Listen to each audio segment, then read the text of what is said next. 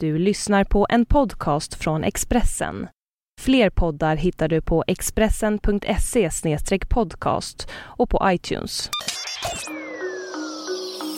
Nu är det virtuellt som är modellen. Det här är Expressen Dokument, ett fördjupningsreportage. Varje dag med mig, Johan Bengtsson, som idag läser Jonas Lejonhuvuds text om att när modellerna blir digitala gäller bara en storlek.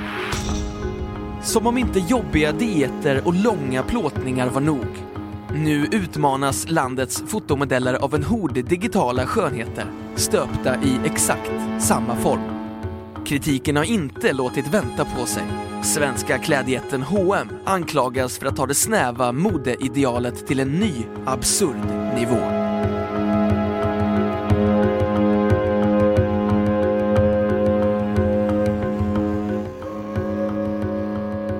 Ser modellerna i annonserna för perfekta ut för att det ska vara sant? Då kan det bero på att de just är det. Modebolag som H&M, JC och den franska e-handelsjätten Vente Privé har alla börjat använda virtuella modeller i sina online-kataloger. Modellerna är skapade av äkta fotografier av kvinnor och män med olika hår och hudfärg. Men mångfalden tar slut när det gäller midjemått, axelbredd och byststorlek. Och för att plaggen helt enkelt ska kunna bytas ut har alla digitala modeller försetts med exakt samma proportioner. Tekniken har utvecklats av Stockholmsbolaget Looklet, som just nu är på säljturné bland världens alla e-handelsjättar inom mode. Intresset är vansinnigt stort, säger Robert Alborg, en av de fem killar inom IT, design och modesvängen som grundade bolaget 2009. Från början var Looklets idé att skapa ett slags mode-community där användare skulle kunna visa upp sina modekombinationer, eller looks, på virtuella dockor som såg ut som riktiga modeller. Det var lite som stardoll.com, men med fotografier av riktiga kläder och riktiga modeller, säger Robert Alborg. Sajten var populär, främst bland unga modeintresserade tjejer. Men enligt Robert Alborg blev det snabbt tydligt att de som verkligen ville betala pengar för tekniken var alla de modeföretag som säljer kläder på nätet. Vissa postorderbolag gick från att ha tryckta kataloger med hundratals fotografier till att lägga ut hundratusentals bilder på sin e-butik. De blev snabbt intresserade av vår teknik, då de insåg att de kunde spara pengar och öka kvaliteten genom att använda den, förklarar Robert Alborg. Varuhuset NK och klädjätten H&M var två av bolagets första kunder. Sedan dess har JC hoppat på tåget och franska e-handelsjätten Vent Privé har gått så långt som att köpa in sig i Looklet som idag har cirka 30 anställda i lokaler på Södermalm i Stockholm. Tekniken är imponerande. För att skapa sina virtuella modeller börjar Looklet med att fotografera manliga och kvinnliga modeller i bara underkläder med hjälp av hemlig teknik i sin specialbyggda studio i Stockholm. Bilderna styckas sedan upp och indelas i kategorier som armar, ben och ansikten, samt mindre subkategorier som ögon, öron och hår.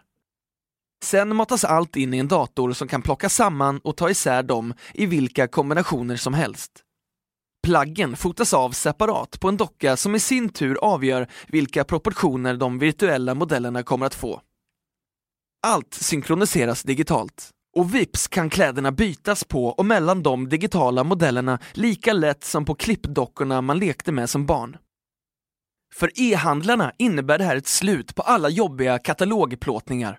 Vent Privé har sagt till ansedda Wall Street Journal att tekniken sänkt deras kostnader med två tredjedelar. En viktig orsak är att det går att fotografera nya plagg efterhand utan att ta in nya modeller. Vi skickar löpande våra provkollektioner till Looklet för plåtning, säger Elinor Sell, som är ansvarig för JCs onlinebutik.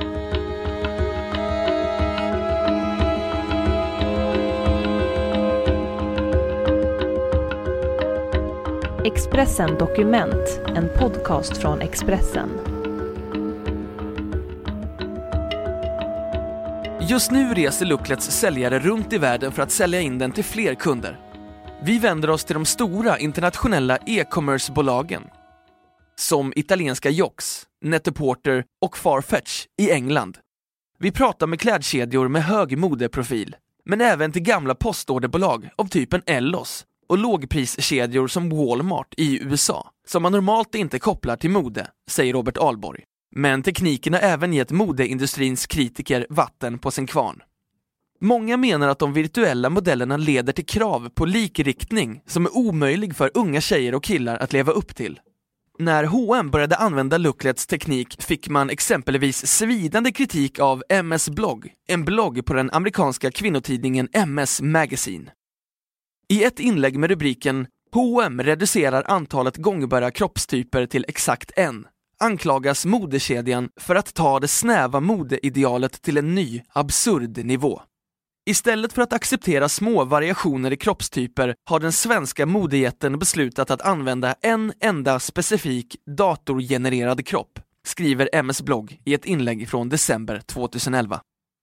H&M menar att man inte medvetet försöker uppvisa ett visst ideal genom att använda Looklets bildteknik.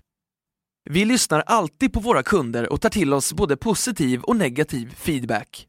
Syftet i all vår marknadsföring är att visa vårt senaste mode och det handlar inte om att visa upp någon typ av ideal eller kroppsform, utan det handlar enbart om att visa plaggen och hur man kan kombinera dessa, säger Håkan Andersson, presskontakt på H&M. Elinor Sell på JCs onlinebutik ger ett liknande svar. Hon kallar de virtuella modellerna för dockor när hon pratar om dem.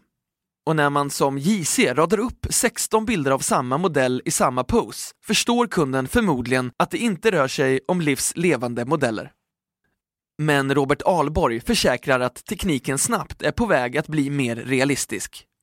Man ska också kunna flytta axlar och ben och byta ut ansikten så modellerna tittar åt olika håll. Det blir mer realistiskt och man kommer kunna variera varje bild, säger han och tillägger att Looklets mål är att bli en ny standard för hur man visar produkter på sin e-handelssida.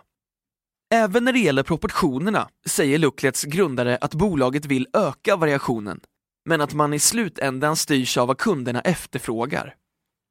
Vi har fått mycket förfrågningar från USA om mulliga modeller och äldre modeller. Det är något vi utvecklar. Vi vill ha en variation, säger han. Samtidigt medger han att tekniken bygger på enhetliga storlekar. Om man introducerar plus size så kommer även de något mulligare virtuella modellerna att ha exakt samma proportioner som varandra. Så ser det ut för närvarande i alla fall. I framtiden hoppas Robert Alborg att Looklet ska kunna ta sig bort från de färdigbestämda proportionerna och låta kunderna skapa avatarer med sina egna mått för att prova ut virtuella kläder. Elinor Sell på JC hoppas att Looklets ambitioner ska gå att uppfylla till ett rimligt pris. Jag tror att användarna har förståelse för att det är likriktat just nu, men med tiden kommer kraven att förändras, säger hon.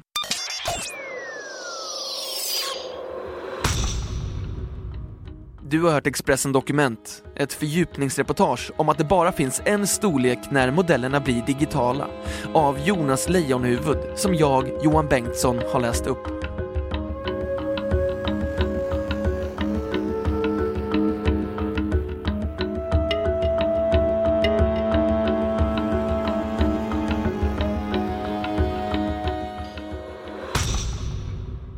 Du har lyssnat på en podcast från Expressen. Ansvarig utgivare är Thomas Mattsson. Fler poddar finns på Expressen.se och på iTunes. Ett poddtips från Podplay. I fallen jag aldrig glömmer djupdyker Hasse Aro i arbetet bakom några av Sveriges mest uppseendeväckande brottsutredningar går vi in med hemlig telefonavlyssning och, och då upplever vi att vi får en total förändring av hans beteende. Vad är det som händer nu? Vem är det som läcker? Och så säger han att jag är kriminell, jag har varit kriminell i hela mitt liv men att mörda ett barn, där går min gräns. Nya säsongen av Fallen jag aldrig glömmer på Podplay.